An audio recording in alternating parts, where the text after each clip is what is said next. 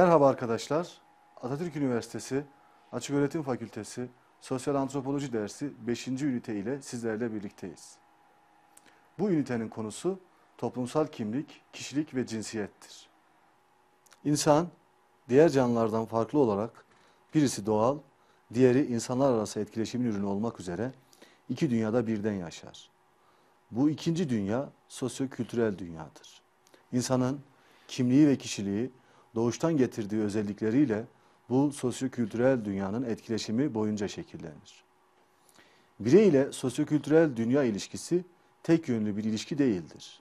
Birey, sosyo-kültürel dünya ile girdiği ilişkide bir yandan bu dünya tarafından biçimlendirilirken, diğer yandan toplumsal ve kültürel ürünleri kendi perspektifinden dönüştürerek toplumu ve kültürü etkiler.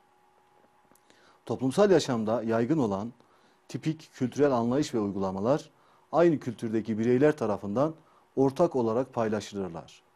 Ancak bu paylaşma sürecinde birey tamamen pasif değildir. Kendi öznelliğiyle devrededir. Kültürel dünyanın paylaşılması yoluyla aynı kültür ve toplumsal dünyanın insanları birbirlerine benzeşirken bireyler kültürü kendi öznel yorumları ve deneyimleri çerçevesinde algıladıklarından onu öznel dünyalarının perspektifinden yeniden üretir ve değişimine katkı sağlarlar. Örneğin bizler bir önceki nesilden öğrendiklerimizi kendi bakış açımızdan öznel yorumlarımız çerçevesinde içselleştirdiğimiz için az ya da çok değiştirmiş oluruz. Öyleyse bizim bizden sonraki nesle aktardığımız kültürel dünya bizden önceki neslin kültürel dünyasına benzer olsa da tıpatıp aynı olmayacaktır. Birey sosyokültürel dünyadan etkilenmekle sosyal, aynı toplumsal ve kültürel dünyaya mensup insanlara benzer olduğu kadar aynı zamanda biriciktir, kendine özgüdür.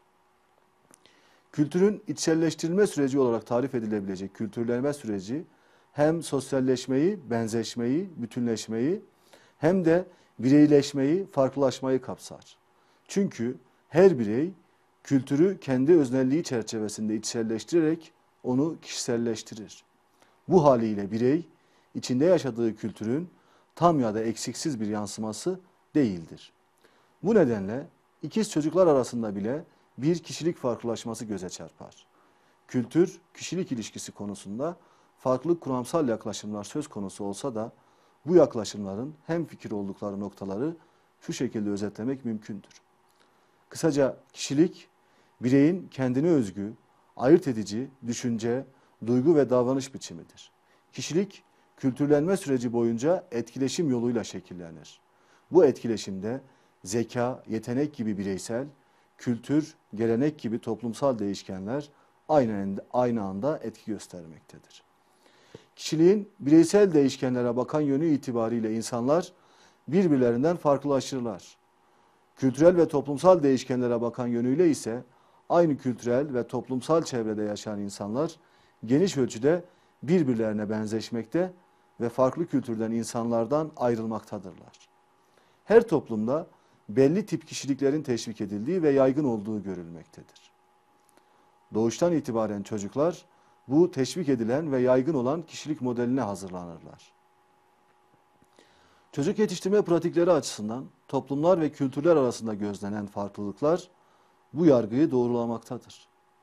Bazı kültürlerde çocuk yetiştirme pratikleri daha bağımsız ve kendine güvenen, ayrışık benliklere sahip kişilikler ortaya çıkarırken diğerleri uysal ve itaatkar ilişkili benliklere sahip kişiliklerin gelişimine yol açabilir. Örneğin Türk bir anne bebeğini sakinleştirip ninni, ninni söyleyerek, okşayıp kucağına alarak onunla iletişim sağlamaya çalışırken batılı bir anne sanki bebek anlıyormuş gibi sürekli konuşarak iletişim sağlar. Türk anne bağımlı benlik yapısına sahip topluluk yönelimli bir kişilik peşindeyken diğeri bağımsız benliğe sahip bireyci bir kişilik peşindedir.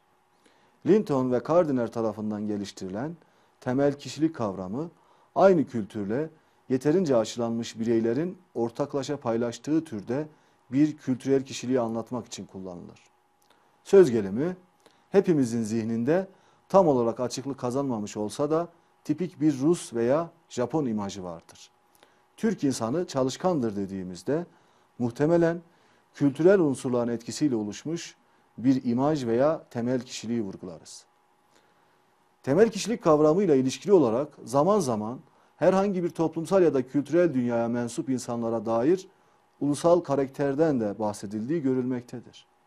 Ancak bugün gelinen noktada antropolojik veriler ulusal karakter hakkında konuşmanın zor olduğunu göstermektedir. Cinsiyetle kişilik özellikleri ve kültür arasındaki ilişkiler karşılaştırmalı kültür çalışmaları ile analiz edilmiştir. Antropologlar bu araştırmalarda cinsiyet ve toplumsal cinsiyet kavramlarını birbirinden ayırt etmişlerdir. Kadın ile erkek arasındaki davranış ve rol farklılıklarının kaynağının biyolojik değil, toplumsal ve kültürel olduğu sonucuna varmışlardır.